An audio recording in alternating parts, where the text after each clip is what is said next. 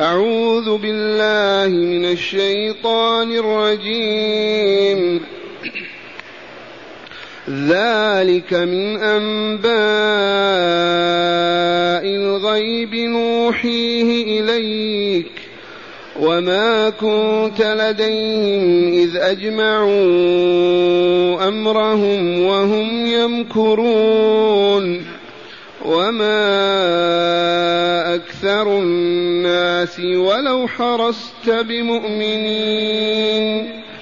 وما تسألهم عليه من أجر إن هو إلا ذكر للعالمين وكأين من آية في السماوات والأرض يمرون عليها يمرون عليها وهم عنها معرضون وما يؤمن اكثرهم بالله الا وهم مشركون معاشر المستمعين والمستمعات من المؤمنين والمؤمنات قول ربنا جل ذكره ذلك من انباء الغيب نوحيه اليك المخاطب هنا النبي صلى الله عليه وسلم ذلك الذي قصصنا عليك من قصه يوسف وما فيها من احداث محرقه ومشرقه ذلك من انباء الغيب نوحيه اليك فلو لم تكن رسولا نبيا ما كان ابدا من شانك ان تقص هذا القصص فالذي يصغي يستمع قصه يوسف ويعلم على من نزلت يحلف بالله على انه رسول الله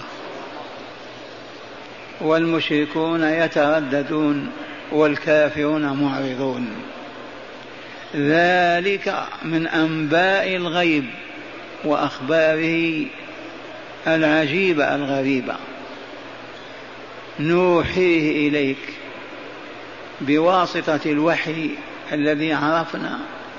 اما ان ياتي جبريل عليه السلام بالصوره او الايات او يلقي الله تعالى في روع رسول الله فيفهم عن الله نوحي اليك وما كنت لديهم أي بين أيديهم في مجلسهم حاضر بينهم إذ أجمعوا أمرهم وهم يمكرون من هؤلاء إخوة يوسف الأحد عشر رجلا هل عاصر النبي صلى الله عليه وسلم يوسف ويعقوب بينهم آلاف السنين من أين لأمي لا يقرأ ولا يكتب أن يقص هذا القصص لو لم يكن وحيا أوحاه الله إليه وما كنت لديهم إذ أجمعوا أمرهم على أن يقتلوا يوسف أو يبعدوه من أبيه أو يلقوه في غيابة الجب وما كنت لديهم وهم يمكرون ويكيدون ويدعون أنهم يريدون أن يخرجوا به للتنفه وليشم رائحة الصحراء يقولون لأبيهم هذا ليسمح لهم بأن يخرجوا بيوسف هذا المكر كنت حاضرا يا رسولنا كنت بينهم إذا من علمك الله إذا أنت رسول الله فالآية تقرر محمد رسول الله ولا ينكر هذا إلا أحمق أو مجنون أو ميت الضمير والعقل ذلك الذي سمعت من الصورة من أولها إلى هذه الآية من أنباء الغيب نوحيه إليك يا رسولنا وما كنت لديهم عندهم وبينهم الوقت الذي أجمعوا فيه أمرهم على أن يبعدوا يوسف من أخي من أبيه وقد عرفنا سبب هذا الإبعاد أنه الحسد أولا كيف يوسف يبلغ هذا المبلغ من أبيه فيظفر بوجه أبيه ونحرمه نحن فيظفر بحب أبيه ونحرمه نحن حملهم الحسد على أن كادوا ومكروا والله عليم بمكرهم والرسول ما كان معاصرا لهم ولا في ديارهم ولكن الله أعلمه ليقرر بذلك نبوته وأنه حقا رسول الله فيجب على كل ذي عقل أبيض أو أصفر أن يؤمن بأن محمدا رسول الله وإلا كيف يقص هذا القصص مستحيل ثم قال تعالى وما أكثر الناس ولو حرصت بمؤمنين هذه البراهين هذه الحجج هذه الأدلة ما نفعتهم أكثر الناس لا يؤمنون ولو حرصت على إيمانهم وبذلت كل طاقتك وجودك في سبيل هدايتهم ما يؤمنون أكثر الناس لا يؤمنون قولوا صدق الله أكثر الناس الآن كافرون وإلا لا وقبل الآن وإلى نبوة رسول الله وأيامه أكثر الناس لا يؤمنون والسبب المانع لهم الايمان شهواتهم اطماعهم دنياهم اهواؤهم ما يستطيعون ان يؤمنوا ليغتسلوا في الليله البارده وليخرجوا اموالهم لا يدون الا وجه الله لا يستطيعون ان يتنازلوا عن شهواتهم واطماعهم هذه الموانع التي تمنعهم من الايمان والا اي شيء يمنع من الايمان يمنعهم أن يدخلوا في الإسلام في نظامه وقوانينه فيحلون ما أحل الله ويحرمون ما حرم وهم لا يريدون ذلك والله إلى هذه الساعة اسأل يهودي مسيحي صليبي مشرك وبين له لم لا تؤمن يخشى أن يتنازع عن دنياه كلها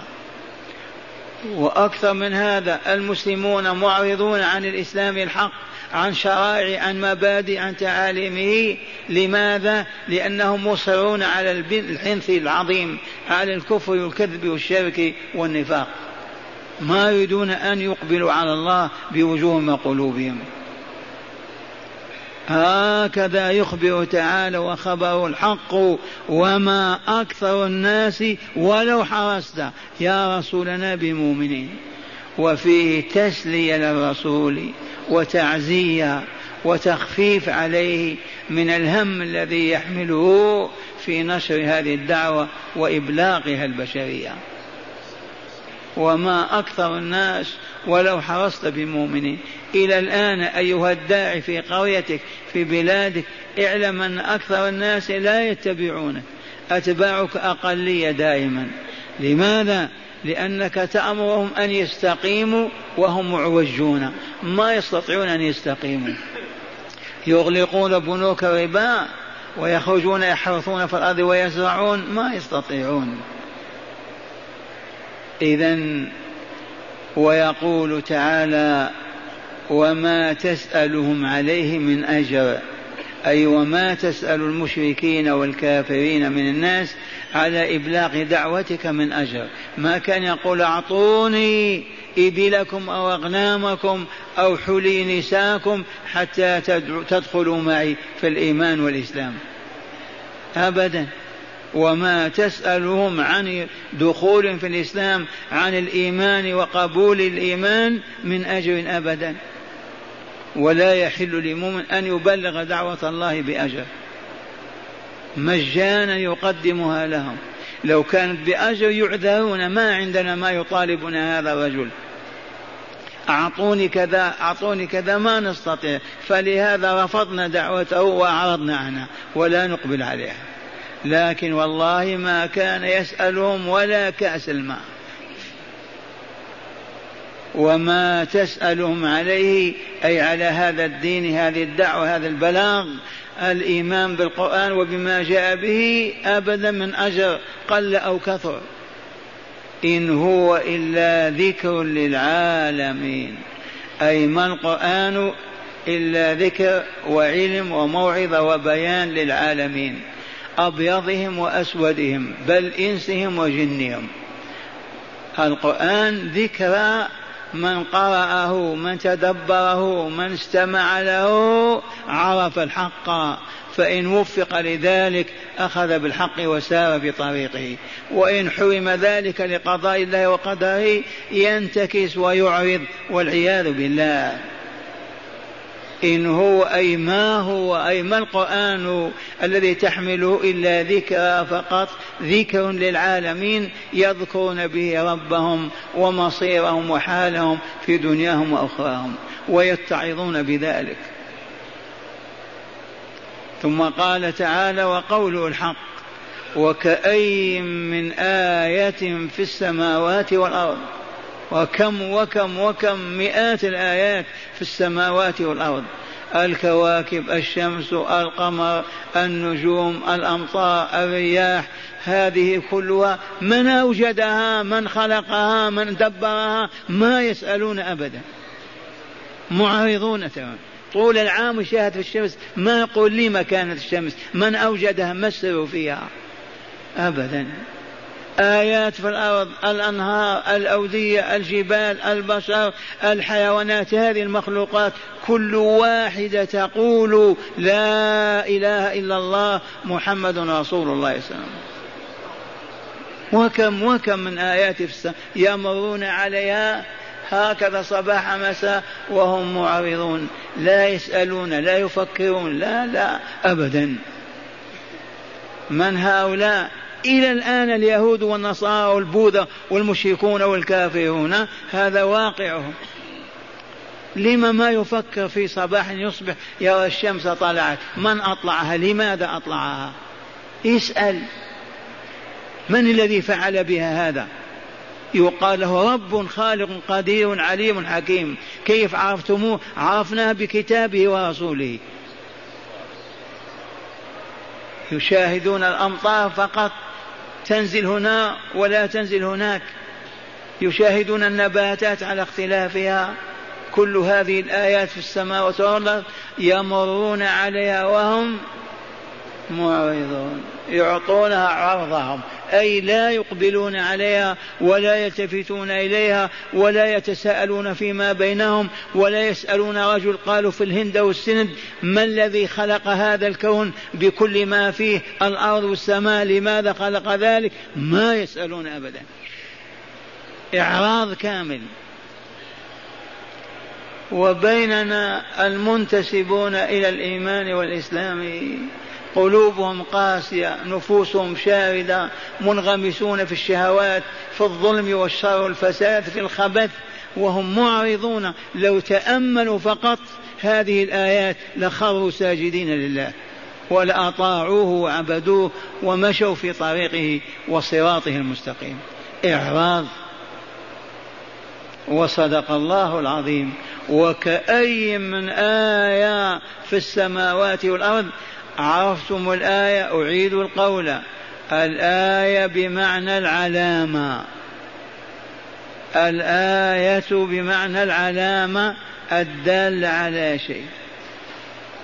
تقول لأخيك أعطني آية على فلان حتى أعرفه يقول أصفر اللون أو أسود اللون آية تدل على ذلك دلني على الطريق إلى منزل فلان أعطني آية قول المكان الفلاني المنزل الفلاني عن يمينك آية فالآية العلامة الدالة على الشيء فكل ذرة في الكون آية على وجود الله العليم الحكيم وعلى عظمته وجلاله وقدرته ورحمته وإحسانه وإلطافه وفضله وإكرامه وإنعامه ولكن الإعراض عدم الالتفات لأنهم إذا التفتوا وسألوا عادوا إلى الصراط المستقيم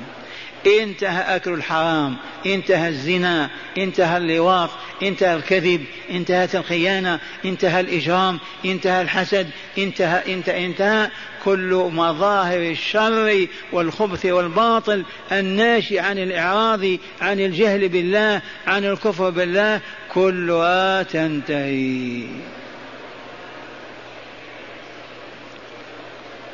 وكأي من آية في السماوات والأرض أي كثير كم وكم يمرون عليها وهم عنها معرضون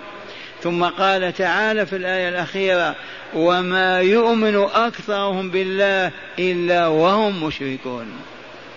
وما يؤمن أكثر البشر بالله إلا وهو مشرك فالعرب والقرآن ينزل كانوا يؤمنون بالله ولئن سألتهم من خلقهم ليقولن الله ولئن سألتهم من خلق السماوات ليقولن الله ومع هذا يعبدون اللات والعزى ومناة الثالثة الأخرى اليهود من ذلك العهد اليوم اسأل يهودي توم بالله قل آمنت بالله من خلق الكون الله وفي نفس الوقت هو مشرك بالله مكذب برسول معرض عنه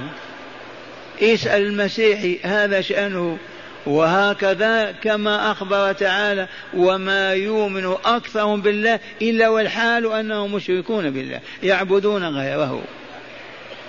وقالت العلماء يدخل في هذا من يقول غدا أسافر ولا يقول إن شاء الله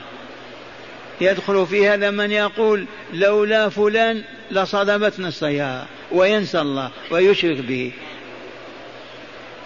فلهذا تشاهد جهال المؤمنين والمسلمين يؤمنون بالله عز وجل وهم يدعون الاولياء ويستغيثون بهم ويذبحون لهم ويحلفون بهم شرك واضح لا يشك فيه ذو عقل ولا دين مصداق قوله الله تعالى وما يؤمن اكثرهم بالله الا وهم مشركون فاليهود فالنصارى فالبوذا فالكفار كلهم اللهم إلا الملاحدة والعلمانيين بطبع اليهود الذي طبعوهم عليه لا إله والحياة مادة هؤلاء ما يؤمنون بالله أما غيرهم يوم بالخالق الرازق الله جل جلاله ولكن يشرك به أن يعبد معه غيره أو يقر عبادة سواه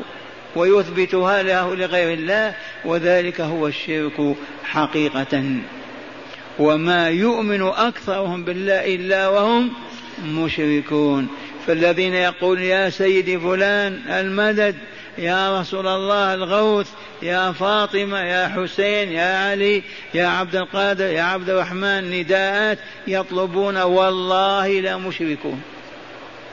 وهم مؤمنون إيمانا حقيقيا ولكن لجهلهم آمنوا من جهة وأشركوا من جهة ما سبب ذلك إعراضهم عن القرآن الكريم القرآن بيان كل الطرق التي تسعد وتنجي من الشقاء والعذاب لا يقرؤونه وإن قرأوه لا يتدبرونه ولا يتفكرون فيه ولا يسألون ومن مكر بالمسلمين فأبعدهم عن القرآن الكريم الثالوث الأسود المكون من المجوس واليهود والنصارى علموا ان هذه الامه التي كانت ميته تمام الموت وهم العرب في هذه الجزيره احياهم الله بالقران والله العظيم أحياهم الله بالقرآن فسادوا عزوا كملوا طابوا طهروا لم ترى الدنيا مثلهم منذ أن كانت في تلك القرون الثلاثة الذهبية بسبب ماذا؟ بالتوراة بالإنجيل بالزبور بالسحر بالخداع والله بالقرآن الكريم أحياهم الله به عاف العدو الثالوث أن هذه الأمة حيت بالقرآن وتحيا به هيا نبعدها عنه أو نبعد القرآن عنه حاولوا أن يبعدوا القرآن ما استطاعوا ما قدروا محفوظ في الصدور مكتوب في السطور يحفظه العجائز والرجال والنساء كيف يبعدون القرآن ما استطاعوا قالوا إذا نبعدهم هم عن القرآن وضعوا قاعدة عرفها العلماء وقالوا لا يجوز تفسير القرآن ولا يحل لك أن تقول قال الله ووضعوا لذلك القاعدة المعروفة وهي قولهم تفسير القرآن صوابه خطأ وخطأه كفر تفسير القرآن إن فسرته وأصبت فأنت مخطئ إذ ليس لك من حق أن تفسر القرآن كلام الله من أنت وما أنت حتى تعرف مراد الله وإن فسرت وأخطأت فقد كفرت فأنت كافر إذا ونشروا هذا المبدا في العالم الاسلامي ماذا يصنع المسلمون بالقران الكريم قالوا لهم اذا حولوه الى الموتى يحفظون القران في الكتاتيب والمساجد من اجل ان يقرأوا على موتاهم فقط وقد ذكرت لكم حادثه تمت في بعض الديار أيام الاستعمار حاكم عام رأى أن لا فائدة في قراءة القرآن في الكتاتيب والمساجد قال الحكومة قادرة على أن تعلم الكبير والصغير لما فتحت المدارس لما فتحت المعاهد والكليات امنعوا هذه القراءة التي لا تفيدهم فوفق الله عز وجل أحد المؤمنين المصلحين فقال لسيادة الحاكم يا سيد هذا القرآن يقرؤونه لا للدنيا وإنما من أجل أن يقعوا على الموتى فقط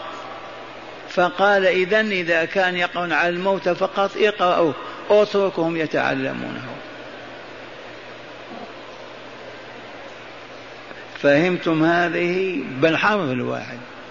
والى الان من اندونيسيا الى موريطانيا شرقا وغربا القران يقرا على الموتى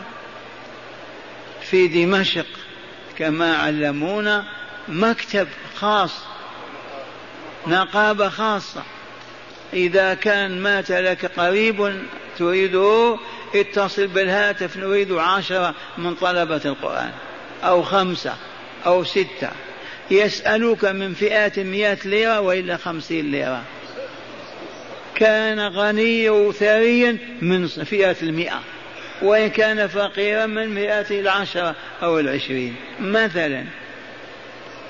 وإلى الآن القرآن يقع على الموتى وإذا قلت هذا ما ينبغي تجتمعون ليلة الميت على القرآن ولا تتدبرون ولا تفكرون يتهمونك بأنواع من الباطل والشر والفساد إذ المفروض لو أردنا الحياة حياة الصور والصفاء كما قدمنا ما إن تدق الساعة السادسة مساء في الشرق والغرب إلا ويقف دولاب العمل فتغلق الدكاكين والمقاهي والمصانع ويقبل المؤمنون والمؤمنات على بيوت ربهم يصلون المغرب كما صليناه ويجتمعون على معلم رباني اجتماعنا هذا من بعد المغرب الى صلاه العشاء يدرسون كتاب الله وهدي رسول الله صلى الله عليه وسلم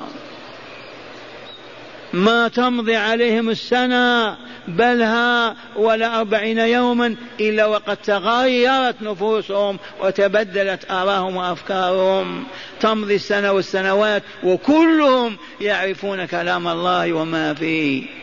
بالسماع فقط نساء ورجالا يصبحون يفهمون عن الله مراده من كلامه ويتبع ذلك ماذا ألا خيانة ألا غش ألا خداع ألا كبر ألا شرك ألا كفر ألا خبث ألا ظلم لما سنة الله الطعام يشبع وإلا لا الماء يروي وإلا لا النار تحرق وإلا لا لماذا سنة الله تتبدل من سنته إذا أقبلت الأمة أو الجماعة أو الفرد على القرآن الكريم تقرأ وتتأمل وتعمل لا تمضي عليها فترة إلا وهي أطهر الخلق وأصفاهم لكن انظر من أندونس إلى موريتانيا أين يجتمعون على كتاب الله هذه مدينة الرسول الدولة الإسلامية أين أهل البلاد في هذه الحلقة في المسجد النبوي إذا ودليل القرآن روح ولا حياة بدون روح كلام الله عز وجل إذ قال تعالى وكذلك أوحينا إليك روحا من أمرنا فالكافر ميت المكذب بالقرآن ميت المعرض عن القرآن ميت الجاهل بالقرآن ميت وإنما الحي من قرأه وآمن به وحفظه وعرف ما فيه وكذلك أوحينا إليك روحا من أمرنا ما كنت تدري ما الكتاب ولا الإيمان ولكن جعلناه نورا نهدي به من نشاء من عبادنا معاشر المؤمنين والمؤمنات وما يؤمن أكثرهم بالله إلا وهم مشركون كل من يلتفت إلى غير الله بقلبه ووجهه أشرك والشرك أكبر وأصغر من ذلك أن تقول لولا فلان لكان أصابني كذا وكذا قل لولا الله لكان كذا وكذا أما دعاء الموتى وسؤالهم والاستغاثة بهم والتقرب إليهم بالنذور وما إلى ذلك فهذا شرك محض وعليه الكثيرون من أمة الإسلام وصدق الله العظيم أسمعكم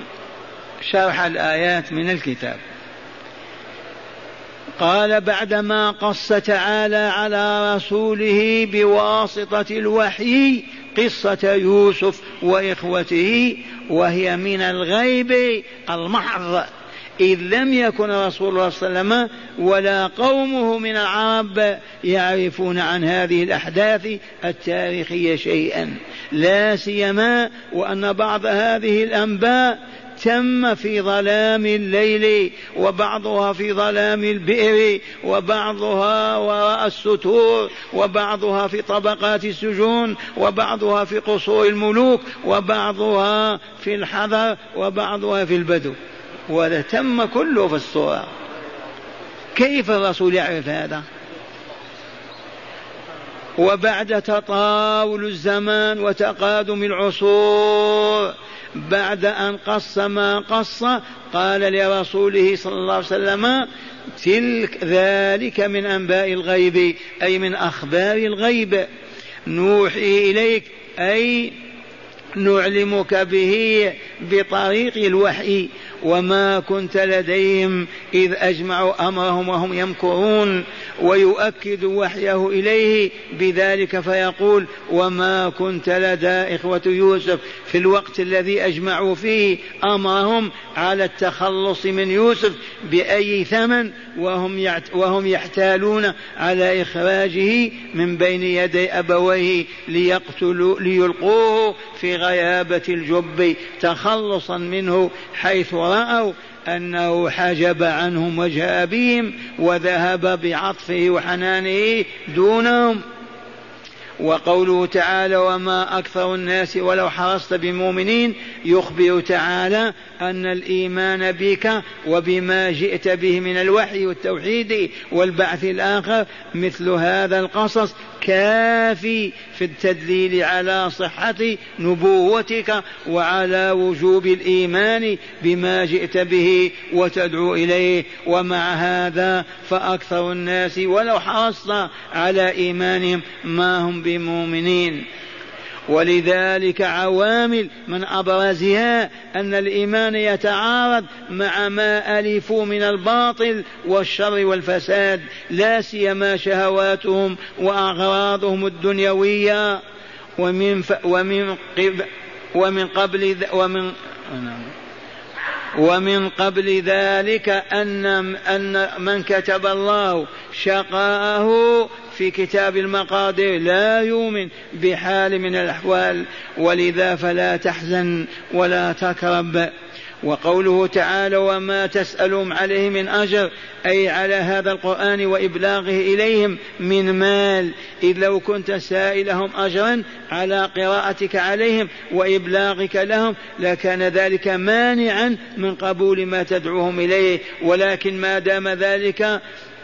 يقدم لهم مجانا فلا معنى لعدم ايمانهم الا ما كتب الله من خسرانهم وشقاوتهم فهم عاملون للوصول الى ذلك اي الخسران والشقاء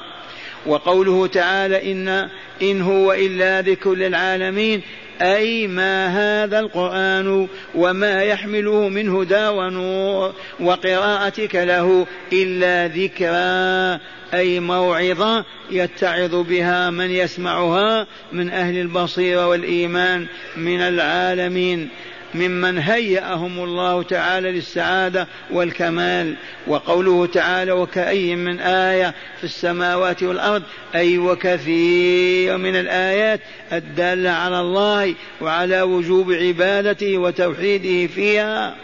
في السماوات كالشمس والقمر والكواكب والسحب والأمطار والأرض كالجبال والأنهار والأشجار والمخلوقات المختلفة يمرون عليها صباح مساء وهم معرضون غير ملتفتين إليها ولا متفكرين فيها فلذا هم لا يؤمنون ولا يهتدون وقوله تعالى في الآية الأخيرة وما يؤمن أكثرهم بالله إلا وهم مشركون يخبر تعالى رسوله أن من يدعوهم إلى الإيمان به وبما جاء به ما يؤمن أكثرهم بالله ربا خالقا رازقا إلا وهم مشركون به أصناما وأوثانا يعبدونها وهي حقيقة قائمة لو سئل يهودي أو نصراني عن الخالق الرازق relationship. المحيي المميت المدبر للكون لقال الله ولكن هو به مشرك يعبد معه غيره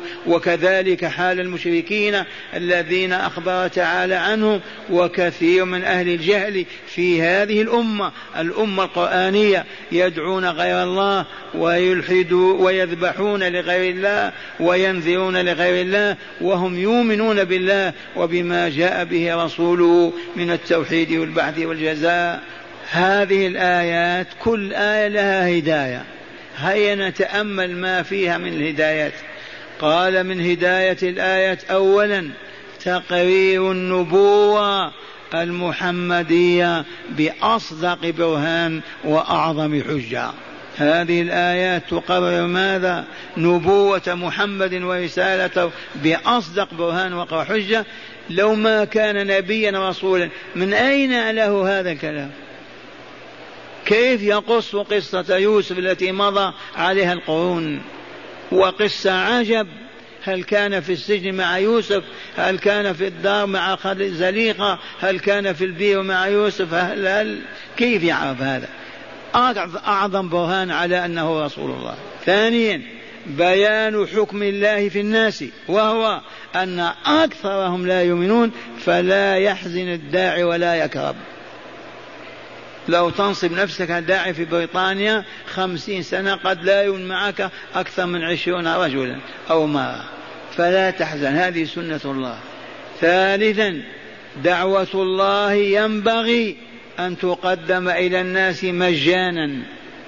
وأجر الداعي على الله تعالى الذي يدعو إليه أما يدعو الناس ويأخذ أموالهم لن يفلح أبدا ولن يفوز ولا يصح أبدا من أين أخذنا هذا وما تسألهم عليه من أجر رابعا ذم الغفلة وعدم التفكر في الآيات الكونية وأكثر الناس ما يفكرون يحصد ما يقول منين هذا الحصاد كيف نبت هذا الزرع يشرب الماء ما يدري من أين هذا الماء كيف أنت تشتهي وترغب فيه ما في سؤال أبدا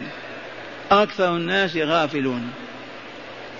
ذم الغفلة وعدم التفكير في الآيات الكونية فضلا عن الآيات القرآنية خامسا بيان حقيقة ثابتة ما هي أن غير أهل التوحيد وإن آمنوا بالله ربا خالقا رازقا مدبرا أكثرهم يشركون به غيره في بعض صفاته وبعض عباداته